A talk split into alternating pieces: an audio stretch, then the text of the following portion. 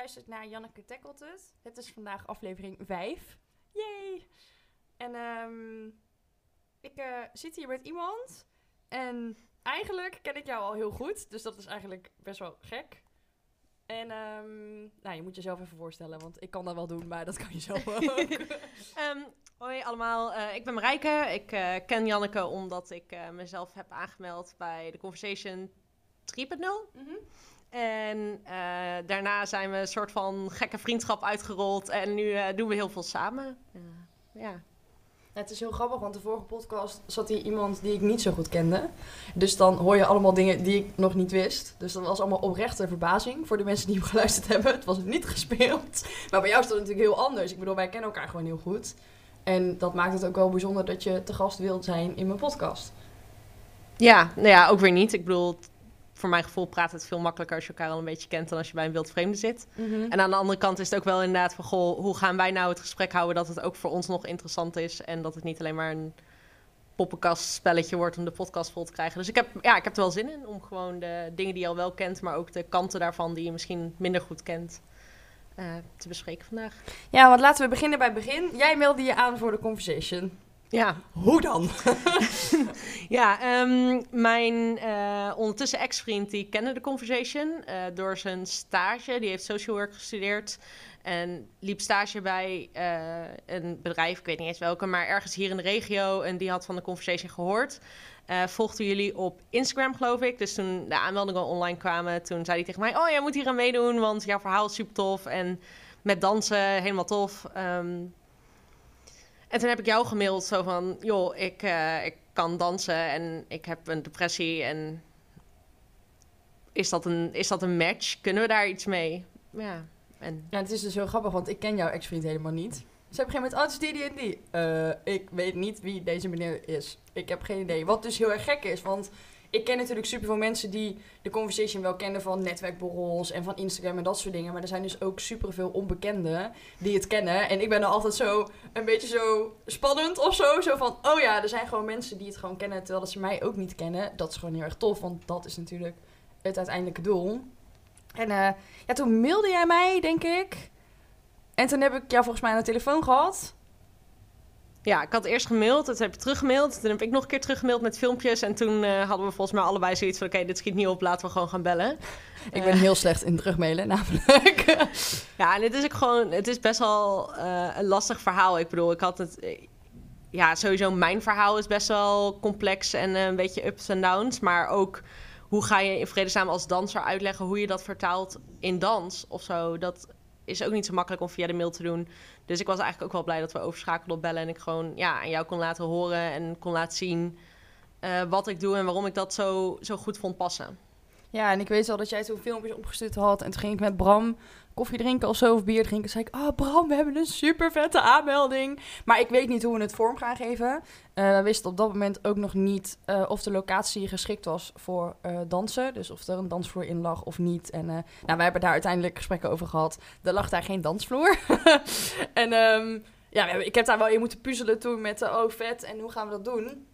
En toen kwam er van jou echt een mega lange mail met daarin jouw mentale gezondheidsverhaal.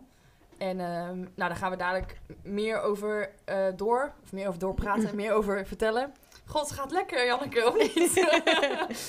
en ehm, eh, ik weet wel dat eh, bij de conversation mailt je je aan met ik doe dit, dit en dit en ik heb een mentaal probleem. En daarna moet je wel gaan vertellen met oké, wat wil je dan inbrengen? Dus fotografie of dans in jouw geval of iets anders. En er zijn ook heel veel mensen die het heel moeilijk vinden om hun verhaal te delen. En daar heb ik niks aan. Mensen die zeggen, ja, maar ik wil dit niet vertellen en dit niet vertellen en zus niet vertellen. Ja, dat is, daar ben je er nog niet aan toe en dat is prima, maar kom dan maar later terug. Nou, dat was bij jou niet het geval. Nee, nee, ik heb sowieso. ehm, ik denk dat dat is ook dat ook is waarom het daarna ook zo goed klikt. Is dat we allebei heel erg een. Weet je, fuck deze shit, het is gebeurd. eh, het is zo, het is een onderdeel van ons. En daar, dat is misschien niet altijd even leuk, maar we zijn er wel trots op. En dat heb ik ook heel erg. Dus ik schaam me helemaal niet voor mijn verhaal. Er is niks waarover ik het niet wil hebben. Ehm, en wat natuurlijk ook een heel groot voordeel is, is dat ik het niet direct verbaal hoefde te zeggen. Ehm, ik kon heel veel doen met de emotie van anderen en mijn, mijn non-verbale communicatie, mijn lichaamstaal, maar ook mijn emotie, de keuze van het nummer, die al heel veel meespeelde. Dus ik denk stiekem ook wel dat ik het wat dat betreft iets makkelijker had dan iemand die voor een microfoon gaat staan en zijn verhaal gaat vertellen. Ja, denk ik ook. En daarom heb ik jou op een gegeven moment ook gevraagd voor de podcast. Omdat ik kreeg aan het einde van de conversation heel erg veel positieve reacties over jouw optreden. Want het was echt fantastisch. en uh, ook over de foto's en daarna over de aftermovie. En, maar er waren heel veel mensen wel heel nieuwsgierig naar jouw hele verhaal. Nou, voor deze mensen, hier zijn we. Let's go. Um, misschien is het goed dat je even bij het begin begint. Helemaal bij het begin, ja. Dat nou ja, ik zou niet beginnen aan met mijn moeder ontmoette mijn vader en die maakte nee, een baby, nee, want zover... Uh... Nee, um, ja, er lopen eigenlijk twee, twee verhalen soort van parallel aan elkaar. Want ik heb mijn depressie waarmee ik worstel en die is al uh, vrij lang geleden, een jaar of veertien, dat ik het echt wist en echt moeilijk mee had. Dus dat is, nou ja, voor de mensen die mij niet kennen, ik ben niet 24, dus dat is tien jaar geleden. Heel erg ups en downs. Um, ik ben in 5 VWO gestopt met school. Toen ben ik uh, bijna een heel jaar ben ik mijn bed niet uitgekomen. Heb ik alleen maar liggen slapen, 20 uur per dag. Um, ik at bijna niet meer, heel veel afgevallen. Mm, en uiteindelijk heb ik staatsexamen gedaan met heel veel moeite. Um, en eigenlijk het enige wat mij op dat moment overeind hield, is dat ik naar de kunstacademie zou gaan. En um, dat wilde ik ook wel echt per se doen. Ook toen ik me niet goed voelde. Dus daar heb ik me een soort van aan vastgeklampt. Maar goed, ik was heel jong. Ik was 17 toen ik daar uiteindelijk terecht kwam. En ik had mijn problemen natuurlijk wel met de psycholoog besproken. Maar um, ja, lang nog niet goed genoeg eigenlijk. En ik had een soort muur opgetrokken van... oké, weet je, die kunstacademie is voor mij. Daar kan ik mezelf zijn. Um, ik gooide heel veel op op het pesten. Ik werd heel erg gepest op de middelbare school. Ook wel op een stukje eenzaamheid. Ik had weinig vrienden die mij begrepen. En voor mij was de kunstacademie was een soort van de hemel. Daar zou dat allemaal niet gebeuren. Um, en dat was op zich waar. Ik werd daar niet gepest en iedereen is daar raar. Dus je voelt je wel met z'n allen een soort raar collectief. Maar um, het vraagt ook wel heel veel van je. Want het is nooit goed genoeg. Ook al haal je zeg maar, je kunt geen 10 halen. Je kunt een 9,9 halen. En dan nog gaat de docent over die 0,1 punt lopen ja, zeiken. Um, maar het is ook heel veel werk. Je bent er echt... Uh, ik denk dat ik 60, 70 uur in de week met school bezig was. En om dat vol te houden ga je, uh, ga je heel veel koffie drinken. Ik ging heel veel meer roken. Um, ik ging s'avonds om een beetje te kunnen relaxen, ging blowen. Dus het ging eigenlijk heel erg slecht met me. Um, en ik merkte ook dat om het te overleven, ik ook eigenlijk steeds minder van mezelf in, in mijn werk en in mijn kunst ging stoppen. Omdat alles wat dichtbij kwam, maakte het alleen nog maar zwaarder. Dus toen ben ik in mijn tweede jaar toch weer naar een psycholoog gegaan van de kunstacademie. Dus ik uh, net 18. En toen ben ik in, uh, door mijn psycholoog in deeltijdtherapie uh, beland. Bij Renier van Arkel hier in Den Bosch. En daar heb ik negen maanden echt knijtertje hard aan mezelf gewerkt. En eigenlijk voornamelijk confrontatie met mezelf. Dus ik kwam achter een heleboel problemen waar ik nog niks van wist. Ik heb bijvoorbeeld een vrij lastige gezinssituatie. Waar ik eigenlijk nooit zo bewust van was wat voor invloed dat op jou als persoon heeft. En hoeveel. Um, ja, eenzamer is niet het goede woord, maar je wordt wel een soort lone, lone wolf door. Waardoor je ook minder makkelijk verbindt met leeftijdsgenoten, bijvoorbeeld. Nou, dat, dat besef had ik helemaal niet toen ik 18 was. En dat heb ik nu wel. Um, ja, toen kwam ik uit therapie. En dat zou eigenlijk een soort van mijn feestje moeten zijn. Maar dat was niet zo, want dat was gelijktijdig ook de crematie van de moeder van mijn beste vriendin. En daarna ben ik eigenlijk het normale leven ingerold tot uh, november vorig jaar, november 2019. Toen uh, ben ik opnieuw weer een beetje in onbalans geraakt. Aan de antidepressiva begonnen. Uh, eerst bij mijn, vanuit mijn werk bij een arbeidspsycholoog terechtgekomen. En op de wachtlijst gezet voor normaal GGZ-traject. En daar heb ik uh, vorige week dinsdag de laatste intake voor gehad. Dus als het goed is, begin ik volgende week met mijn behandeling. Ja, en het is heel erg. Nu doe je even het verhaal gewoon heel snel en bondig. Het is grappig, want ik doe precies hetzelfde altijd. Als mensen mij vragen: Ja, wat heb je meegemaakt? Dan gaat dat er zo roets uit, vijf minuten. Um, weet je waarom je gepest werd? Ja, omdat ik anders was. Ik zat op een dorpsschool. Um, vrij grote dorpsschool wel, maar desalniettemin had iedereen dezelfde lichte spijkerbroek met dezelfde Puma-gimpjes met hetzelfde witte shirtje aan. En um, ja, ik niet. Ik had rood haar. Ehm, en wat er gebeurde is dat ik, ik werd buiten de groep gezet, waardoor ik me ook ging afzetten. Waardoor ik eigenlijk alleen maar een soort van alternatieven werd. Ik werd voorzitter van de debatclub en voorzitter van het leerlingenparlement. En ik ging mijn haar nog roder verven. En ik ging extra hoge hakken aan. Ik ging op een gegeven moment alleen nog maar zwart dragen. En ja, elke keer als iemand mij kwalijk nam dat ik anders zwart was, werd ik eigenlijk alleen nog maar meer opstandig en anders. Dus er was gewoon een hele grote kloof tussen mij en mijn leeftijdsgenoten. En onbegrip in, in 14, 15-jarigen leidt vaak tot pesten. En het is natuurlijk ook... Bij ons op school hing heel erg een pestcultuur. Dus het was ook echt gepest, uh, pesten of gepest worden. Uh, ja, en die keuze is voor heel veel kinderen heel makkelijk. Mm Ja, ik begrijp het heel goed hoor. Ik ben ook mega gepest op de basisschool.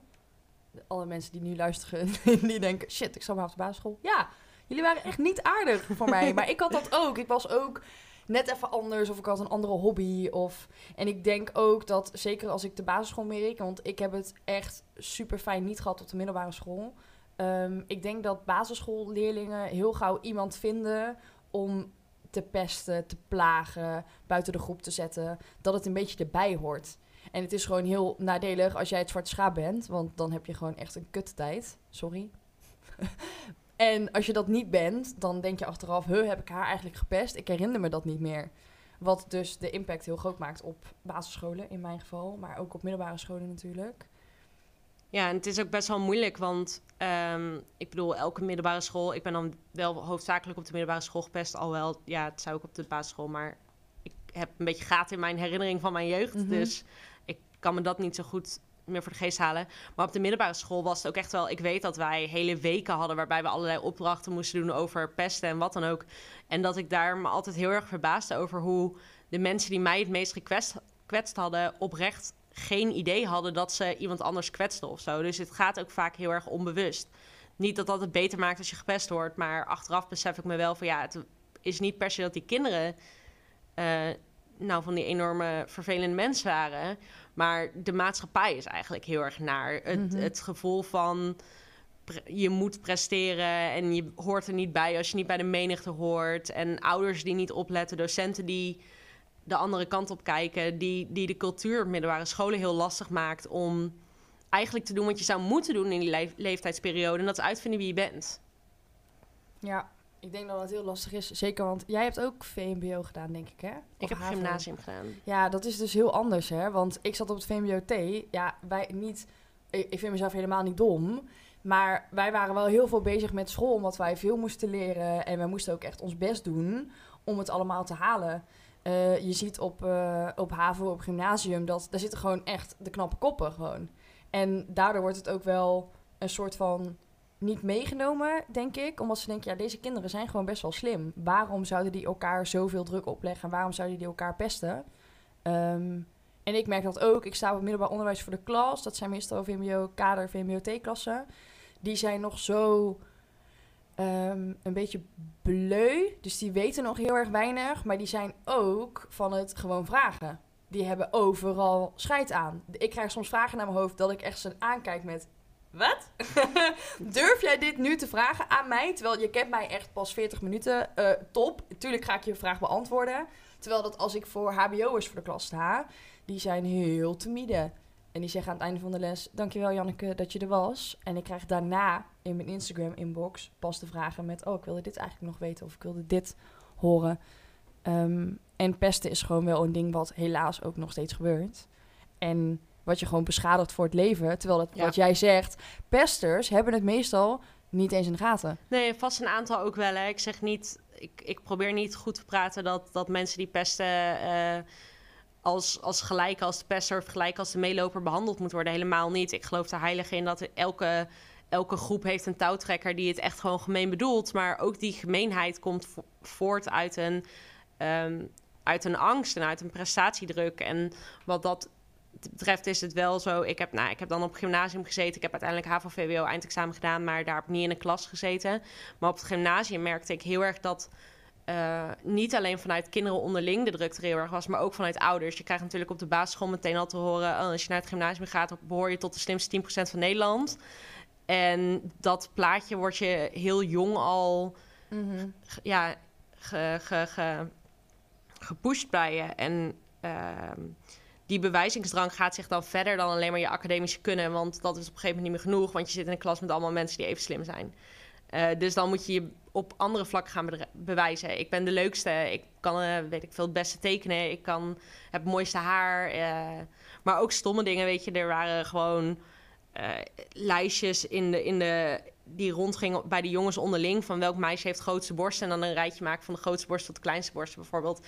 Weet je, alles wordt vergeleken en wordt, krijgt een soort kwalitatieve waarde... ehm, wat eigenlijk zonde is, want wat stellen we nou helemaal voor? Zeker in de brugklas, wat stel je voor? Ik sta echt wel eens voor een brugklas en dan denk ik echt, ik vond mezelf echt zo vet. Grote rugzak, mijn haar rood, helemaal. Ik vond mezelf echt shit, maar echt. En nu sta ik voor een brugklas en dan denk ik echt, jullie zijn echt nog kinderen. ja. Terwijl dat toen ik zeg maar 12, 13 was in de brugklas, nou, ik, ik wilde echt verkering en, en nu denk ik echt, nee. Als ik ooit baby's krijg, dan please blijf gewoon kind. ja. En dat eh, eh, kan meestal niet in eh, de maatschappij waarin wij leven. Ik bedoel, wij zitten hier allebei aan tafel met een mentaal probleem. Dat komt toch wel ergens vandaan. D- dat is niet uit de lucht komen vallen of hebben we niet bij de Albert Heijn gekocht. Als in, Nee. dit lijkt me nou leuk om een keer mee te nemen. Zou ik het weer terugbrengen, jongens? Als je een mentaal probleem bij de Albert Ja. koopt, breng het Breng terug. het terug. Gaan we. Ook als je je geld niet terugkrijgt. Ik wil het niet hebben. En ehm, jij was 17 toen je begon aan de kunstacademie. Ja. En waar ben jij begonnen? Eh, Artes in Arnhem. In Arnhem. Want jij komt uit een klein dorpje in de buurt, toch? Ja, eh, het is een beetje lastig. Ik ben geboren in Rotterdam, dus ik kom eigenlijk uit de grote stad. Ehm, maar mijn ouders zijn voor mijn vaders werk naar Duiven verhuisd. En dat is inderdaad ja, het is een kwartiertje met trein vanaf eh, Arnhem af. En het is een, een dorp. Het heeft wel de grootste IKEA van Nederland. Woe, Ikea. Ik ben dol op Ikea. Fantastisch. Ehm, maar ja, het is relatief klein. Net wat ik zei, ik zat op een dorpsschool, maar ik had gewoon 2400 leerlingen hoor. Dus het is geen, Mhm. geen, geen dorp. Maar ja, het is wel een, het is wel een saai gat waarbij er, er voornamelijk rijtjeshuizen met Volvo's en border collies staan. Ik en- hou niet van border collies. Nee, ik hou van tackles. nou, ik vind border collies prima. Ik vind tackles leuker, maar hè, dat, dat ben ik. Ehm, maar wat er voornamelijk heel erg moeilijk aan was, is dat het eh, heel duif is een soort perfect plaatje. Of doet zich voor als een perfect plaatje. En eh, nou, mijn vader werkte in het buitenland, dat deed hij toen al. En ik had toevallig gisteren dit gesprek met mijn danspartner. Dat ik gewoon een scheidhekel heb gekregen aan Vaderdag. Omdat we dan op school verplicht iets voor Vaderdag moesten maken. En dan kon iedereen lekker naar huis en dat aan zijn vader geven. En ik niet, want mijn vader zat in, weet ik veel, Amerika of Azië of waar dan ook. En eh, ik heb mijn hele leven moeten uitleggen. Ik, al zolang als ik me kan herinneren, moet ik de vraag beantwoorden: Oh, maar vind je het dan niet raar dat je vader zo ver weg is? En ik vind dat helemaal niet raar. Maar als het je 400 keer gevraagd wordt, dan wordt het vanzelf een, een soort litteken op je. Ja, je gaat er dan over nadenken. Is dit Ja. raar? Vind ik het raar? Vinden de mensen om mij heen het raar?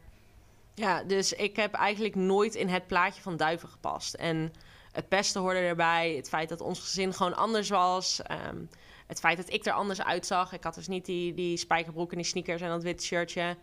Ehm, maar ook gewoon om, om de scheid simpele reden dat ik iets wilde gaan doen waarmee er misschien helemaal geen geld te verdienen was. Wat toch echt niet de bedoeling was. Want iedereen in Duiven werkt zo'n beetje in Arnhem. En het was toch wel een beetje de bedoeling dat je geld ging verdienen. Het is, het is geen arm dorp en het zijn ook niet echt boeren of landbouwers meer.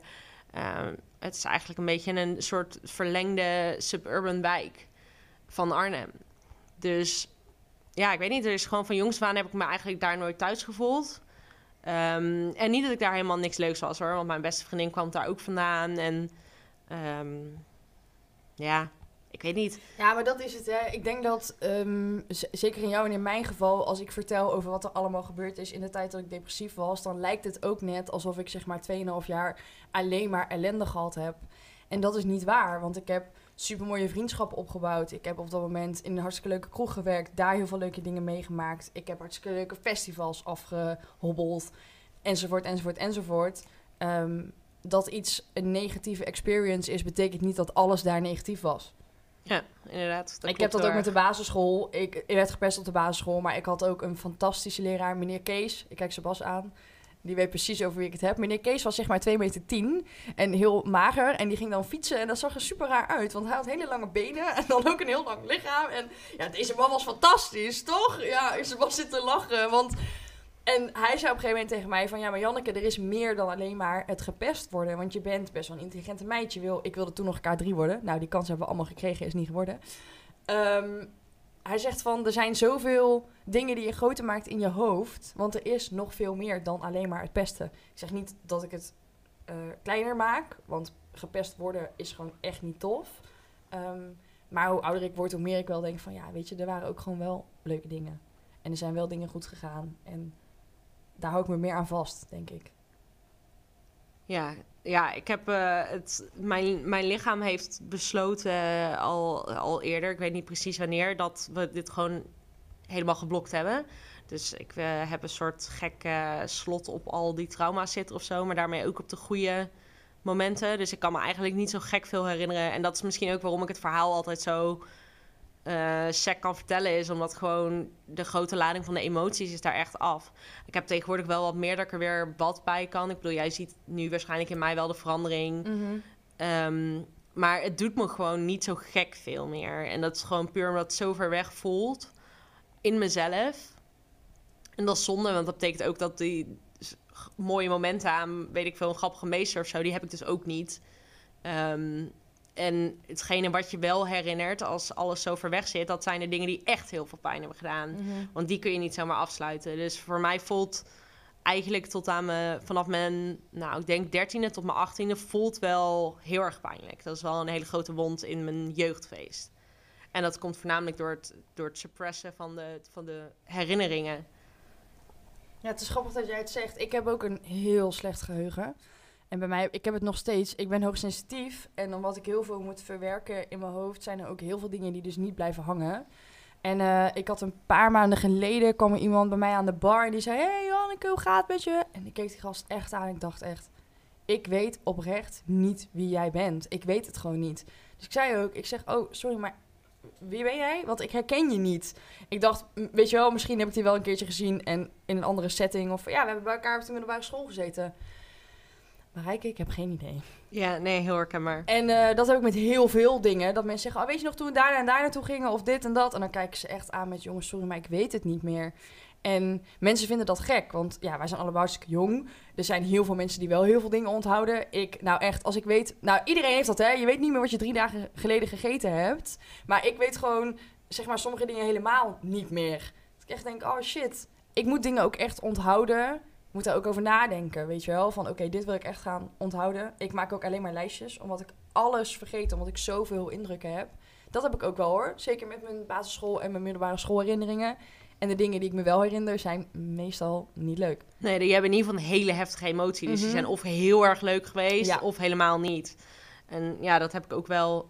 eh, ik bedoel, ik kan me echt. Ik heb nog wel herinneringen die ik wel heb. Ik kan me nog feilloos herinneren hoe, hoe bijvoorbeeld ik me voelde en hoe de woonkamer eruit zag toen mijn ouders vertelden dat ze uit elkaar gingen. Mhm. Dat heeft zo'n impact op je gemaakt. Eh, dus dat kan ik me dan wel herinneren.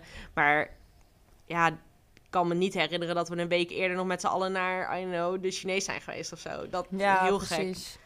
En toen begon je aan eh Artes in Arnhem, wat echt een hele pittige opleiding is. Ja. Ehm, zonder eh, het zwart te maken. Mijn vraag is eigenlijk: hoe kan het dat de prestatiedruk zo ongelooflijk hoog ligt in een, op een kunstacademie? Een vak wat echt super vrij is, super mooi, mega vet dat je dat kan, kunst maken. Ik bedoel, ik fotografeer een klein beetje als hobby. Nou, that's it. Ik kan echt niet tekenen, niet schilderen. Zit gewoon helemaal niet in mij. Ehm, ik ken meerdere mensen die op jouw eh, opleiding gezeten hebben. Ik verbaas me daarover. Hoe kan het dat de prestatiedruk zo hoog ligt op een meisje van 17 wat daar binnenkomt lopen? Ja, dat is een hele goede vraag. Ik kan natuurlijk alleen maar beantwoorden wat, het voor mij zo hoog maakte. Ehm, en ik kan dus ook alleen maar spreken voor de afdeling grafisch. Ehm, wat, eh, waar het mee begon voor mij is dat je, doet toelating en dan doen er 450 mensen toelating en dan worden er eh, zeg maar 28 aangenomen. Ehm, dus je begint al eigenlijk de allereerste stap die je zet om bij dat beroep te komen, is al zorgen dat jij beter bent dan anderen. En eh, dan eh, in je eerste lesweek wordt er gezegd: 70% van jullie studeert niet af. Dus eigenlijk vanaf het allereerste moment ben je al bewust van hoe zwaar het is en hoe moeilijk het gaat worden. En dat je echt je best moet doen om af te studeren en om iets te maken in het veld. En eh, het is ook best een hard werkveld. Ik bedoel, ik werk nu als grafisch vormgever. Ehm, ja, dat is best wel moeilijk. Je hebt gewoon veel competitie. Je wordt echt alleen beoordeeld op dat wat je maakt, niet hoe je bent. Ik bedoel, je kan je nog zo slecht voelen, maar dat maakt niemand wat uit. Je haalt gewoon je deadline, punt. Dus ik denk ook wel dat ze je voor aan het bereiden waren op hoe hard de werkelijkheid ook is. Maar als jij 17 bent en je bent net aan het leren over typografie en uh, je krijgt dan te horen dat je, ja, weet ik veel, uh, Helvetica had moeten kiezen in plaats van Arial, want dat dat uh, symmetrisch beter is. Ik noem maar wat. Dan, en dat elke keer. We hebben, hadden drie lessen per dag van drie uur lang, zeg maar. soms twee, maar meestal drie. Hadden we een ochtend, middag en avond. En als je dan de hele tijd alleen maar op dat soort kleine dingetjes wordt, wordt verbeterd, dan op een gegeven moment ga je gewoon over elke keuze twijfelen. Moet ik hier 10% groen pakken of 11? Want wat nou als 11 niet goed is, maar 10 net te weinig? Um, dus wat, wat er eigenlijk gebeurt is, omdat ze je zo perfectionistisch maken, is dat die angst voor het fout doen heel erg gaat vreten. En daardoor wordt die druk heel hoog in jezelf. Want het is niet eens dat de docenten per se heel veel druk opleggen, maar ze wekken gewoon twijfel op. En daardoor komt er heel erg veel druk in jezelf, maar ook tussen leerlingen onderling. Want je weet ook, hey, oké, we zijn nu met z'n tienen, maar maar drie van ons studeren af. Dus ga je dan die klasgenoot wel of niet helpen, of zorg je ervoor dat jij een van die drie bent? Ja, wat de competitie gewoon heel hoog maakt. Ja. Een soort topsport. Ja. Wat echt belachelijk is, want het is namelijk iets creatiefs. En hoe meer jij beïnvloed wordt door anderen, hoe minder creatief jij kan zijn, denk ik. Ja, er werd wel heel erg gepusht op creativiteit hoor. Dus het is niet dat we het uniform moesten maken. Maar ze hadden gewoon een aantal stelregels wat zij beschouwden als mooi of niet mooi. Ja, wat een kwestie van smaak is. Ja, maar ja, je moet als docent natuurlijk ergens op beoordelen. Mhm. Dus ja, het is allemaal een beetje lastig. Logisch, je hebt twee jaar kunstacademie gedaan, toch? Ja, ik heb in totaal drie jaar gestudeerd en ik heb twee jaar volledig afgemaakt. Mhm. Want ik heb tussendoor dus de deeltijdopleiding of uh, deeltijdtherapie gedaan. Hoe gingen ze daarmee om? Ja, dat vonden ze niet per se chill. Ik heb wel hard moeten werken om te zorgen dat ik daarna weer terug mocht komen en niet opnieuw toelating hoefde te doen. Mhm. Maar uiteindelijk is dat wel gelukt. Ehm, en toen heb ik vrij gehad, toen kwam ik terug en toen... Ja, ze deden eigenlijk alsof er niks gebeurd was. Welkom terug, succes. Ik heb geen begeleiding gekregen of zo. En hoe ziet jouw, eh, zag jouw deeltijdtherapie eruit? Ik denk dat heel veel mensen dat namelijk niet weten. Ehm, Hoe dat in zijn werk gaat, wat je dan... Mhm. Ja, wat, wat wij hadden, wij waren een groep met eh, allemaal adolescenten. Dus wij waren specifiek allemaal in de leeftijd 18 tot 23. Eh, we waren met ze, het hoogtepunt met z'n achter. Maar goed, je stroomt binnen en dan begin je eigenlijk met het opstellen van doelen. Van wat wil je aan het eind van therapie leren? Ehm, en, en hoe ga je dat bereiken? Welke therapievormen denk je dat je daar jou bij kunnen helpen? Ehm, en dan begin je je eigen proces en dan loop je eerst een week mee met iemand die al in jouw groep zit. Een soort van je, je, je mama of je mentor wordt. Ehm, een beetje te vergelijken met een introweek. Alleen dan in plaats van dat je drankspelletjes gaat doen, loop je mee in therapie. Maar je hoeft dan zelf nog niks te zeggen. Je gaat eigenlijk gewoon een beetje kijken en eh, aanvoelen. Je mag praten als je wil, maar het hoeft niet. En dan na een week ga je eh, je eigen behandelplan zeg maar, voordragen in psychotherapie. En dan krijg je van de hele groep een mok. En dan hoor je erbij en dan uh, begint je therapie. En het was, bij ons was het vier en een halve dag. Uh, dus vrijdag waren we dan eerder klaar. En dan hadden we uh, psychotherapie, dus dat is de gewone normale praattherapie. psychomotorische therapie, dat is met ja, ex gym. Mhm. Ze gaan ballen naar je toe gooien en zo. En wat voel je hierbij? Ga je ze af? Ja, ik kan me er dus maar, maar twee keer herinneren. En de ene keer was dat we gingen skileren hier in... Uh, je hebt zo'n soort park met een watertje. Bossenbroek? Zou kunnen, ik. weet ik niet meer. Maar het water hier in Den Bosch. Gooi het in de comments. Wat denken jullie? met, met fietspaden, want daar overheen gingen we dus skaten. Ehm, en toen eh, was ik er op een gegeven moment klaar mee, want niemand kon nog skaten behalve ik. Dus toen ben ik gewoon dat rondje maar twee keer gaan doen, omdat ik geen zin had om mee te slenteren met de rest. En toen moest ik gaan uitleggen waarom ik dat gedaan had, terwijl ik had daar helemaal geen reden achter. Of zo. Ik hou gewoon niet van slenteren. ik hou gewoon niet van langzame mensen. ja, maar ik moest dat dus echt gaan onderzoeken. Dus dat, dat is me nog bijgebleven. Maar dat soort dingen moet je dus aan denken. Van waarom, waarom kan je niet langzaam wandelen? Wat, wat jaagt je dan op? Ehm, en we hadden nog creatieve therapie. Eh, dat spreekt voor zich. Beetje schilderen en zo. en dan hadden we nog opdrachten elke week en teksten die we moesten lezen. En je had gewoon je lunch met z'n allen. Je moet de groep schoonhouden. En uh, ja, dat. Zat jij intern daar? Nee, ik sliep thuis. En hoe is dat? Dat je dan na zo'n heftige dag therapieën met de trein terug naar huis gaat? Ja, soms heel chill, want dan heb je, hoef je even niet meer met mensen daarover te praten, hoef je ze niet meer te zien, kan je even afsluiten. Maar ik heb ook wel de dagen gehad dat ik huilend uh, mijn moeder of wie dan ook heb opgebeld van... joh, kom maar maar halen, want ik ga echt niet... als ik nu naar het station ga, komt het niet goed. Mhm. Dan uh, stap ik niet in de trein, zeg maar. Dus het wisselde heel erg. We hadden wel uh, een soort van... ja, ik weet niet meer precies hoe ze heten... maar een soort van ruimtes waar je dan, als het echt nodig was... kon blijven slapen voor een nachtje. Dus als ik, stel je voor, niemand kon mij ophalen... en ik kon ook echt niet met de trein, want het ging niet goed... dan kon ik daar wel blijven slapen. Mhm. En hoe lang heb je deelt? Negen maanden, Negen maanden, ja. En daarna terug naar school. Ja, en dan is het ook eigenlijk meteen weer klaar. Je zit dus negen maanden, vijf dagen lang op een groep met allemaal mensen. En daarna ga je weer naar school en dan is er ook niks meer. Het is niet dat je mhm. nog uh, ambulante therapie of wat dan ook hebt. Het is gewoon klaar. Uh, geen maar... nazorg, geen praatgroepen. Nee, in principe niet. Uh, die kun je wel allemaal gaan regelen en dat wordt ook wel aangeraden. Maar ik stond op een wachtlijst nog steeds.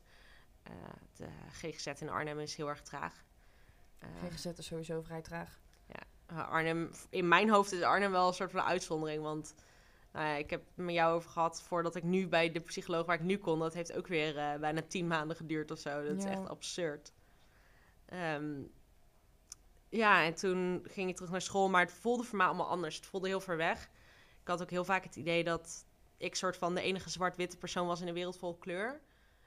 Ehm, ik kon gewoon niet meer helemaal niet meer connecten met de kunstacademie. En ik had ook gewoon heel erg het gevoel dat ik overnieuw moest beginnen. Dat ik probeerde om iets terug te grijpen uit het oude leven wat er nooit was. Dus toen ben ik gestopt. Mhm. En toen? Toen heb ik heel hard gehuild. ja, dat snap ik. Heel hard, want ja, ehm, het voelde A echt heel erg als mislukken, heel erg als falen. Uh, je hebt natuurlijk de hele tijd te horen gekregen, ja, 70% haalt het niet. En je, je verwacht nooit dat jij bij die 70% hoort. En dan komt opeens het besef van, oh ja, ik ben toch niet goed genoeg. En dan komen ook de angst van, ja, maar wat nou als ik nooit grafisch vormgever word? Wat nou als ik nooit beroemd word? Wat nou als ik niet de beste van Nederland word? Ehm, dus toen ben ik eigenlijk gaan kijken naar, oké, wat, wat wil ik dan als ik geen grafisch vormgever meer kan worden? Uh, toen ging ik een andere opleiding in grafische vormgeving doen. Nee, ja, ik, ik wilde gewoon niks anders worden. Uh, grafische vormgeving was het ding en dat ging ik doen. En uh, toen ben ik gaan kijken naar uh, communicatie en multimedia design. Of dat wat voor mij was, want ik kende best wel veel mensen die dat deden. En tot mijn grote verbazing had de Han in Arnhem had wel echt een hele toffe deeltijdopleiding communicatie en multimedia design. Waar het ook heel veel ingaat op de ervaring van mensen en doelgroepen en klanten. En dat vond ik wel interessant. En ook wel een mooie aanvulling, denk ik. Stukje psychologisch, uh, maar ook marketing. Van wat ik al wist van de academie, van het hele esthetische. En nu. Um, nee, laat ik het zo stellen. Jij meldde je aan voor de conversation en toen was je eigenlijk uit behandeling. Ja. En ik denk dat jij mij drie weken later belde of zo met: uh, Hey Jan, uh, ik moet iets vertellen. En uh, we hebben de regel binnen de conversation dat je alleen maar spreken mag zijn als je bent uitbehandeld. Um, dat heeft vooral de reden dat het gewoon best wel veel impact heeft. Uh, veel mensen ga je toch gewoon bericht sturen. Je komt in een grote groep terecht met heel veel gelijkgestemden. Uh, wat heel erg fijn kan zijn, maar wat ook heel pittig is soms. Je krijgt wel ook echt alle ellende van de rest mee. Um, en toen belde jij met, het gaat niet zo goed en ik ga terug aan antidepressiva, maar ik wil super graag toch bij jou dansen. En toen zei ik, nee, nee, is niet waar. en, uh, en, toen was het klaar, einde, doei. Ja, het was het einde, doei. Nee, weet je, we hebben toen overleg gehad met, oké, okay, bla, bla, bla. Maar dan ga je alleen dansen en dan gaan we op een andere manier ooit je verhaal doen. Of nog een keer bij de conversation. Of, uh, nou, nu zit je hier. Um, denk je dat het iets is wat ooit weggaat? Ik hoop het, maar ik weet niet of het ooit helemaal weggaat. Kijk, mijn doel nu is vooral dat ik er gewoon mee wil kunnen leven. En dat ik vind dat ik de controle erover moet hebben. En niet uh, mijn depressie over mij. Mhm. uh, dat is mijn hoofddoel nu. En of dat mij nou vijf jaar of tien jaar of misschien maar vijf maanden duurt, dat maakt me niet zoveel uit. Want ik moet nog even. Mm um, maar ik denk, ik denk niet dat je uh, tien jaar lang depressies kan hebben en dat het niet een soort van chronisch is. Dus ik vrees wel dat ik de rest van mijn leven nog een gevecht aan zal moeten gaan. Ja. En eigenlijk, als je vanaf de buitenkant kijkt, gaat het best goed met jou. Jij studeert de deeltijd, je werkt, je danst. Daar gaan we het ook nog over hebben. Ehm, vind je dat lastig? Dat iemand die jou niet kent denkt... Oh, uh, Marijke, leuke meid, knappe meid om te zien. Ehm, wat is er mis met haar? Ik maak haakjes bij mis. Wat is er mis met haar? Waarom gaat ze opeens huilen? Ik huil echt altijd, hè? ik moet altijd huilen. Ja, dat doe ik niet. Uh, ik denk dat als je mij uh, niet kent, mijn muur niet uh, doorprikt. En dat is best makkelijk hoor. Want er staat gewoon, als je naar mijn Facebook gaat, je, mijn Facebook is openbaar, dus jullie kunnen dit allemaal checken. staat er gewoon keigroot op dat het slecht met me gaat. Want ik hou er dus niet van om erover te liegen. Maar over het algemeen, inderdaad, zeker op mijn werk bijvoorbeeld, ben ik is dat gewoon niet een deel wat ik vind dat er thuis hoort. Daar ben ik grafisch vormgever en daar ben ik bezig met grafische vormgeving. Dus heel veel van mijn collega's hebben geen idee dat het slecht met me ging. Totdat ik opeens uitviel, drie weken, omdat ik niks meer kon. Ehm, en dan moet je heel veel vragen gaan beantwoorden. En vind ik dat lastig? Ja, misschien wel. En aan de andere kant denk ik ook van ja, weet je, ja, sorry, gebeurde, shit happens. Het gaat misschien nog wel een keer gebeuren. Ik leg jullie uit wat er gebeurd is. Um, dus ik, het is niet dat ik het per se lastig vind, omdat ik het lastig vind om die vragen te beantwoorden. Maar je wordt er gewoon soms best wel moe van, omdat mensen je zien als een heel sterk persoon en je dat eigenlijk niet altijd bent. Mhm. En je moet daardoor ook wel echt voor iedereen die te horen krijgt van, maar je ziet er zo sterk uit. Uh, ga nog harder uh, zeggen dat het misschien ook af en toe niet goed met je gaat. Want mensen zien die kwetsbaarheid niet bij je. Uh, die moet je echt zelf aangeven. Ja, heb ik ook. Heel erg. Mensen waren zo, zo verbaasd toen ik mijn burn-out kreeg. Ik heb meer berichten gekregen met huh, jij dan met oh, zielig voor je. Echt heel veel berichten met huh, maar we snappen niet dat jij dat hebt. In plaats van met oh, je hebt het wat erg voor je, kunnen we iets voor je doen. Um, vertel eens iets over dansen. Laten we het eens even helemaal positief omdraaien. Ik weet hoe goed jij bent, hè? want uh, ik vind het allemaal fantastisch. Um, maar je hebt niet staan twerken op de conversation. Nee. Hadden we het net over. Dat was heel erg grappig geweest, maar is niet gebeurd. Volgende keer misschien, wie weet. Wie weet. Gaat Thomas draaien, gaan we allemaal twerken. Dus als je dit hoort, dan weet je het vast. Ja, nee, ik, uh, ik doe steldansen en het voelt heel gek om dit aan jou te vertellen. Uh, want jij weet het allemaal Ik weet het allemaal al. ja. uh, ik zit op steldansen al heel erg lang. en ik doe dan voornamelijk de Latin dansen, de Latijns-Amerikaanse. Dus voor de mensen die wel ja, die wel dansen, jullie weten wat het is. Voor de mensen die niet dansen, dat betekent dat ik vijf van de uh, tien dansen doe. Uh, de cha-cha, rumba, samba, jive en passo doble. Um, en dat doe ik op wedstrijden door Nederland, uh, heel soms België en heel soms Duitsland, maar hoofdzakelijk Nederland. Uh, ja, dat. Daar train ik heel veel voor. Voor corona nog veel meer. Toen was ik eigenlijk vijf dagen in de week al bezig met dansen. Nu mogen we natuurlijk niet. We hebben geen lessen meer en ook geen wedstrijden. Uh, maar we mogen nog wel een zaal huren en dan met z'n tweeën uh, trainen. Dus dat doen we twee dagen in de week, twee avonden in de week. Ja, en dat. En dan hoop ik uh, in oktober is het Nederlands kampioenschap. Dus dan hoop ik Nederlands kampioen te worden in mijn klasse. Denk je dat doorgaat in oktober? Ja, ik weet niet. De NADB is er wel echt heel erg mee bezig. En de WDSF, wat uh, wereldwijde bond is, die is ook wel echt goed bezig. Want in Duitsland zijn bijvoorbeeld dansscholen al wel weer open. Mm -hmm. In Rusland zijn ze weer open. In Engeland beginnen ze weer langzaam aan te trainen. Ja, in Rusland, tuurlijk. Ik heb ooit een filmpje van Marijke gezien. En uh, dat was dan moet je het goed zeggen, was jouw eerste danswedstrijd met jouw huidige danspartner. Ja, dat was het NK ook. Nou, en toen kwamen daar twee kleine ukkepukken aanlopen en die beginnen met dansen. Dat is ongelooflijk. En Marijke zo, ja, ja, die komen uit Rusland. Die zijn allemaal zo, die zijn echt gedrild. Dat zijn net soldaatjes. Ja, klopt. Ongelooflijk. Ik dus volg ook echt 100 miljoen van die Russische accounts op Instagram. En dat is echt super slecht eigenlijk. Want elke keer denk ik, ah, ik wil ook zo kunnen dansen. Maar dansen is wel is echt, echt jouw passie. Ik bedoel, grafische ja. vormgeving is... Is leuk. Is superleuk. En uh, ben je ook goed in? Heb je je werk in? Um, heb je uh, natuurlijk ook nog een studie in nu? Ja. Maar dansen is echt jouw ding. Als ooit iemand mij de kans zou bieden om uh, te gaan dansen voor mijn geld... dan zou ik alles laten vallen.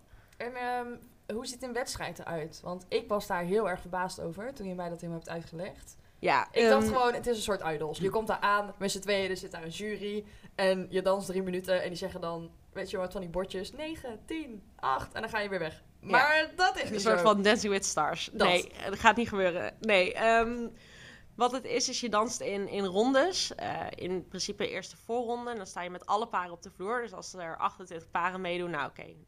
Er 28 paren meedoen, word je misschien nog net gesplitst in twee heats van 14. Maar dan sta je dus met 14 paarden tegelijkertijd. Dan dans je achter elkaar door je dansen. In ons geval is dat uh, opvolgorde samba, cha-cha, rumba, jive. Allemaal anderhalf minuut achter elkaar door, geen pauze. Uh, dan draai je uit, loop je van de vloer af en dan uh, moet je een minuut of tien wachten. En dan hangt er op de gang een hele mooie lijst met wie er door is naar de volgende ronde. En dan begin je opnieuw, maar dan met iets minder paren. Um, en in de eerste rondes verzamel je kruisjes, crosses. En degene met elk jurylid mag zoveel crosses verdelen. En de, bijvoorbeeld de bovenste tien met de meeste crosses, die gaan dan door naar de volgende ronde. Dus het kan ook best wel zo zijn dat jij uh, eh, 13 crosses had en degene boven je 14. En dan ga je dus niet door naar de volgende ronde. Maar degene onder je nul. Ja, dat is vervelend, maar uh, ja, dat kan gebeuren. Um, en dan in de finale, dan dans je met z'n zessen tegelijkertijd. En dan moet elk jurylid moet, uh, voor elke dans elk paar 1 tot en met 6 geven. Dus gewoon letterlijk de scoren. En degene met de minste punten, dus als je allemaal 1-1-1-1 hebt, dan heb je dus vier punten. Degene met de minste punten aan het eind, die wordt eerste. En daarna tweede en daarna derde, vierde, vijfde, zesde. Als je eerste wordt, krijg je twee promotiepunten. En als je tweede wordt, krijg je één promotiepunt. En met, nou, in mijn klasse, uh, elf promotiepunten, mag je door naar de volgende klasse. Dus niveau hoger dansen. Het klinkt allemaal super ingewikkeld. Maar eigenlijk is het best wel een logisch systeem. Ja, het is uh, heel erg vergelijkbaar voor met het voetbalsysteem. Mm -hmm. Als je een wedstrijd tegen hebt, krijg je geen punten. Als je gelijk speelt één, als je wint twee, geloof ik. Ik ben ik niet zo heel erg thuis in voetbal, ik maar ik, iemand heeft me ooit verteld dat het zo werkt. dus als ik ernaast zit, sorry. Um, en als je genoeg punten hebt, dan mag je met je team naar een hoger niveau. En dat is bij dansen eigenlijk ook zo, alleen bestaat je team niet uit elf, maar uit twee. Mm -hmm. En um, jij hebt nu een vaste danspartner. En um, je hebt hiervoor nog één danspartner gehad, toch? Heb je gewisseld? Ik heb best wel veel danspartners gehad. Ik heb twee eerdere wedstrijdpartners ja, gehad. Ja, dat bedoel ik. Ja. Is dat lastig om een man te vinden in de danswereld die dit wil doen? Want het, het lijkt me best wel een vrouwenwereld. Um, ik weet ook hoe jij eruit ziet natuurlijk, hè? Helemaal in de make-up en glitters. En ja, ik, ben, ik vind het te gek. Nepwimpers op. Helemaal fantastisch. Maar goed, voor mannen is dat wel een ander soort wereldje. Het is geen voetbal. Het is geen voetbal, nee. Nee, tenzij dat, uh, ik weet niet, laat het weten in, de, in diezelfde comments als waar, je ging, uh, waar wij gingen skaten. Laat ook even weten of jij wel eens op hakken vol in de make-up gevoetbald hebt. Dat, uh, Met ben ik Als dat zo is, wil ik meedoen. ja, ik ook, ik ook. Heb je gratis twee nieuwe teamleden. Yes! um, ja, weet ik niet. Ik, in dit geval, mijn danspartner heet Maarten. Dat maakt het iets makkelijker om over hem te praten. Um, Maarten zocht al best wel lang een nieuwe danspartner voor de Latin. En wij hebben een gezamenlijke vriendin. En die heeft eigenlijk Maarten meegenomen naar een dansavond van mijn dansschool. En gezegd: Maarten, meet Marijke. Marijke, meet Maarten. Dansvloer op. Nu. En toen zijn we gaan dansen. En toen vroeg Maarten: Wil je wedstrijden met me dansen? En toen zei ik: Nee. En toen, ongeveer vijf minuten later, zei ik: Oké, okay, misschien nee. toch wel. ja, en het was niet, niet om Maarten. Maar ik wilde eigenlijk de wedstrijdwereld uit. Omdat um, het gewoon niet altijd even goed voor je zelfbeeld is. Leg dat eens uit. Nou ja, je zei net al, glitters, hoge hakken, vol in de make-up, nepwimpers van hier tot Tokio. Je haar moet goed zitten. Um, voor de mensen die uh, bijvoorbeeld Dancing with the Stars hebben gezien, al die pro-dansers zijn rete dun. Uh, en je wordt ook letterlijk beoordeeld op je uiterlijk. Dus het is best wel gewoon zwaar als je... Uh, nou, ik weeg nu, jij ziet hoe ik eruit ik weeg nu 58 kilo. Dat vond ik vroeger als wedstrijddanser heel erg veel. omdat iedereen heeft maatje XXS en enorm afgetrainde kuiten en geen, geen grammetje vet op die buik te herkennen. En ik had dat wel. Ja, dat was gewoon moeilijk. En het is ook, het blijven een heleboel haantjes op hetzelfde veld. Dus het is ook gewoon een beetje achterbaks. Maar dat is wel minder geworden, moet ik heel eerlijk zeggen, nu ik weer terug ben. Het is nu minder achterbakse wereld dan vroeger. Vroeger was het ook veel groter. Maar ja, iedereen vergelijkt zich continu met iedereen. En ook gewoon, oh, heb je die jurk van die gezien? Nou, dat vind ik echt niet mooi hoor. En je beseft je dus ook dat als jij hebt ervoor staat, dat mensen dat ook over jou zeggen. En je staat de hele godsgruwelijke training in de spiegel te kijken. Hè? Dus je wordt heel erg geconfronteerd met hoe je eigen lichaam eruit ziet. Dus je moet daar wel echt, echt, echt goed tegen kunnen. En dat kan ik niet altijd even goed. En waar uitzicht dat in? Nou, ik heb wel altijd heel erg op mijn gewicht gelet. Um, en ik heb ook wel gewoon heel lang bijvoorbeeld jurken die ik eigenlijk graag aan wilde op een wedstrijd niet aangedaan omdat ik mezelf daar te dik voor vind. Eh, maar ook wel dingen veranderd. Bijvoorbeeld, ehm, ik vind eigenlijk mijn haar veel mooier als ik een, een korte bob heb, zoals jij ook een beetje hebt. Maar dat doe ik gewoon niet, want ik moet op een wedstrijd een bepaald kapsel hebben. Dus ik laat mijn haar lang groeien. Dat doe ik nog steeds. En uh, ik laat nepnagels zetten in het wedstrijdseizoen, want je moet mooie lange nagels hebben. Dus je wordt heel kritisch op jezelf. En daar was ik natuurlijk al heel goed in, want dat deed ik op de kunstacademie ook al. Dus eigenlijk was een soort van alle velden waarin ik me begeef zijn heel erg competitief en heel erg perfectionistisch. En uh, de kunstacademie was ik toen nog niet klaar voor om op te geven. Dus dan maar wedstrijd dansen en gewoon voor de lol blijven dansen. Maar nu sta ik toch weer op de wedstrijdvloer. Heb je een soort haat-liefde verhouding met dingen die competitief zijn? Ja. Ja. Ja, want ik vind het aan de ene kant heel tof om daar heel hard voor te werken en dat resultaat te behalen. En aan de andere kant weet ik van mezelf ook dat ik mezelf daarin kan verliezen. En dat ik mezelf wel de hele tijd ga afrekenen als ik dan niet de beste ben. Want voor de conversation heb jij een uh, choreo gemaakt die echt iets totaal anders was dan jouw danswedstrijd choreo's. klopt. Um, ja, ik weet hoe je dat... We hebben, uh, ik en Anne Fleur. Anne Fleur is onze ex-stagiaire, want die gaat bijna stoppen. Helaas, oh. vind ik heel erg.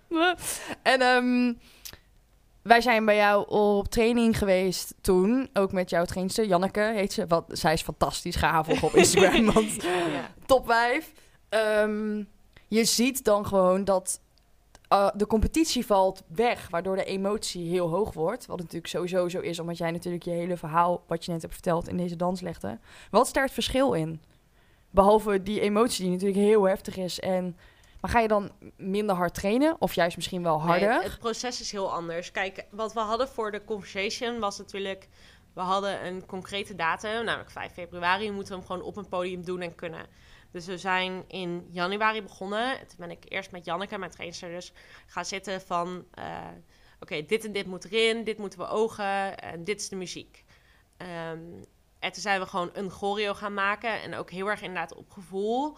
Dus er zaten wel stukjes van onze wedstrijd choreo in. Maar dan alleen de stukjes die ook weer het gevoel van het nummer en van het verhaal um, vertaalden naar beeld. En toen zijn we het gewoon gaan dansen en weer een beetje tweaken, weer een beetje dansen, een beetje tweaken. En na ongeveer drie of vier lessen was hij klaar. En zijn Maarten en ik gewoon uh, elke dag nadat we normaal getraind hadden voor de wedstrijden, gingen we ook nog even oefenen voor de choreo. Maar dan weet je wel heel duidelijk, oké, okay, 5 februari moeten we hem kunnen. Dus als je hem dan 3 februari kan, dan hoef je 4 februari niet veel meer te doen of zo. Bij een wedstrijd is dat anders, want wanneer kan je iets veel beter dan je competitie die ook doortraint. Dus um, ja, je gaat op hele andere dingen letten. Als ik, als ik een show dans, dan wil ik een verhaal vertellen. En dan maakt het me niet uit of mijn voet op, ja, we noemen dat dan 10 voor 2, dat is de voetstand. Als je een klok op de grond tekent, dan moet je linkervoet op de 10 staan en je rechter op de 2. En dat is dan een goede lettinghouding.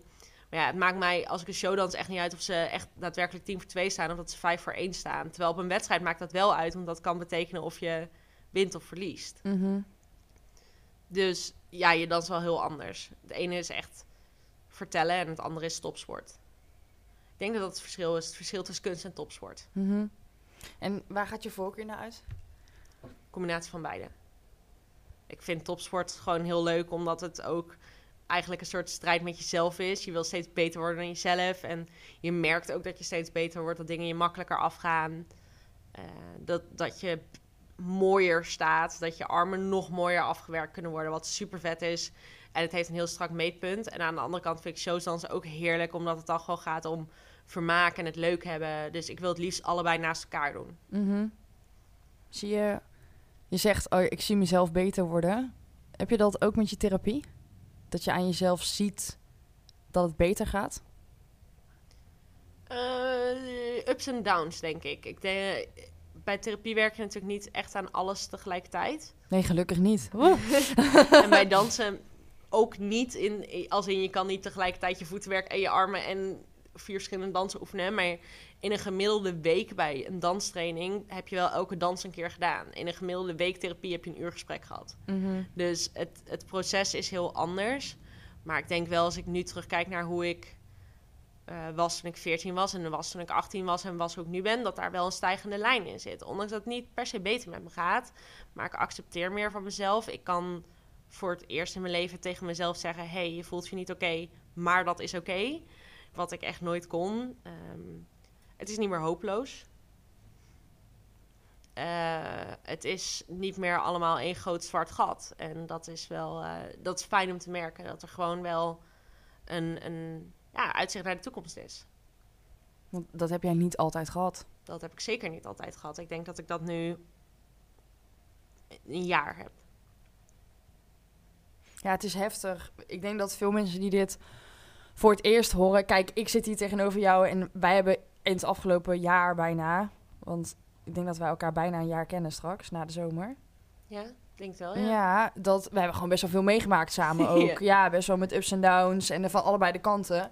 Als Jesse mij niet terug heeft, dan heb ik nee. oh, arme Jesse, arme jongen. Jesse hebt me altijd terug, jongens. Het, weet, jongens. het, duurt alleen even, maar hij negeert me nooit. um, nee, maar ik denk dat wij... Um, ik denk dat wij allebei iets heel erg bijzonders hebben. En uh, ik herken mezelf ook in jou. Dat um, ik heb met sprekers van de conversation vaak dat ze dan op de conversation gesproken hebben. En dat het daarna ook een soort van klaar is. Dat het voor heel veel mensen een soort van streep onder hun verhaal is. Wat ik te gek vind. Want ik vind het heel knap als mensen hun verhaal kunnen delen en daarna kunnen zeggen: Oké, het ligt buiten, maar ik ga door met mijn leven, want ik wil weer gelukkig zijn of worden. Um, uh, ik heb dat bij sommige sprekers ook niet. Uh, Sanne bijvoorbeeld, die heeft zowel gepraat in Tilburg als het gepresenteerd in Eindhoven. Um, maar ook met Naomi heb ik nog heel erg veel contact. Die is ondertussen mama geworden. Oh. Nee. Gefeliciteerd Naomi. Zo leuk. En, um, maar met jou heb ik ook een soort van herkenning met dat jij ook um, een soort van scheid hebt. Net als ik. Zo van, weet je, dit is het gewoon. En als ik mijn bek niet opentrek, wie dan wel? Ja ja, ik heb dat uh, aan de ene kant heel erg vanuit mezelf. Omdat ik ook gewoon heilig erin geloof dat dit voor iedereen veel beter wordt als ze het erover gaan hebben. En als ik dat van anderen verwacht, vind ik ook dat het zelf moet. En aan de andere kant denk ik, heb ik ook wel geleerd dat het echt de enige manier is om trots te zijn op jezelf. Is door ook gewoon uit te durven spreken wat misschien minder leuk aan jezelf is. En uh, ja, volgens mij heb ik het ja, tegen jou een keer gezegd, maar ook zelfs op de conversation gezegd, dat ik een depressie heb, betekent niet dat ik een minder leuk mens ben. Um, en dat is wel waar ik heilig in geloof. Ik denk ook dat ik best een, een leuke vriendin kan zijn en best een goede danspartner en uh, iemand waarvan je heel veel kunt leren. En aan de andere kant moet ik zelf ook nog heel veel leren, maar ja, dat moeten we allemaal continu, want anders dan sta je ook maar zo stil. Ja, en ik denk dat als ik dan naar ons kijk en naar onze vriendschap, wij kunnen wel samen groeien. Absoluut. Snap je? We hebben elkaar in zo'n rare, roerige tijd en ook in een heel raar vaarwater ontmoet natuurlijk. Hè? Want wie gaat elkaar ontmoeten met... hey, ik ben depressief. Jij ook. Laten we vrienden worden. Dat gebeurt gewoon niet. Ja.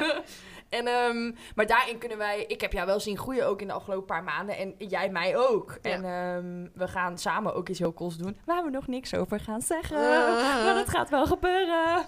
Dus een soort spoiler. Let alsjeblieft goed op de aankomende paar weken op Instagram en op Facebook, jongens. Want er komt echt iets super vets aan waaraan Marijke gelukkig gaat meewerken. en, um... Ze heeft nog niet daadwerkelijk met me samengewerkt, dus ze weet nog niet hoe vervelend dat gaat worden. maar jij wel met mij, dus het moet goed oh, oh. En ik denk dat... Um, dat als je het hebt over inspirerende verhalen, dan we hebben alleen maar inspirerende verhalen binnen de conversation. Um, waar ik echt super trots op ben. Uh, maar het is heel cool dat jij voor de tweede keer de stap maakt om je verhaal nogmaals te doen.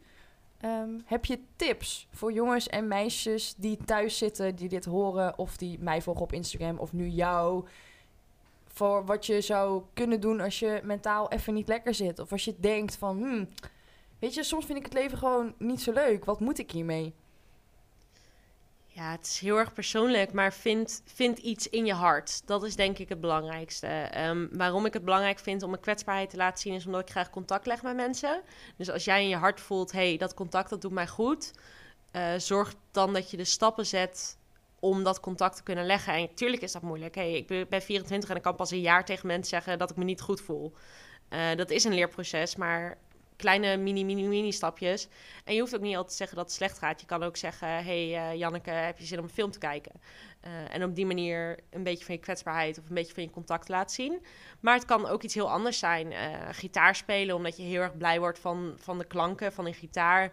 Of hardlopen omdat je dan uh, 200 meter net een seconde sneller kan. Maar vind datgene wat in je hart zit, wat eigenlijk nooit weggaat, hoe slecht je ook voelt. En zorg daarvoor. Maak dat je eigen, je eigen baby, je beste vriendin. En zorg dat dat mag groeien en dat je dat behoudt. En ook uiteindelijk weer, uh, weer een evenredige plaats in je leven geeft. Hoe moeilijk dat ook is. En als je daar meer over wil weten, dan stuur maar een uh, DM op Instagram. Dan kom ik je helpen. Sluit in mijn DM. ja. Marijke is ook nog vrijgezel. Jullie weten niet hoe ze eruit ziet, maar ze is super knap. um, ik denk dat we hiermee gaan afsluiten. Met jouw prachtige woorden. Um, voor iedereen die luistert en um, zich herkent of het misschien moeilijk vindt, uh, wees vooral uh, niet bang om ons een bericht te sturen. Zowel samen als apart. Uh, ja. Vraag het alsjeblieft, want we willen graag je vragen beantwoorden en je graag helpen. Um, ik wil iedereen bedanken voor het luisteren. En tot de volgende keer. Shine bright like a diamond.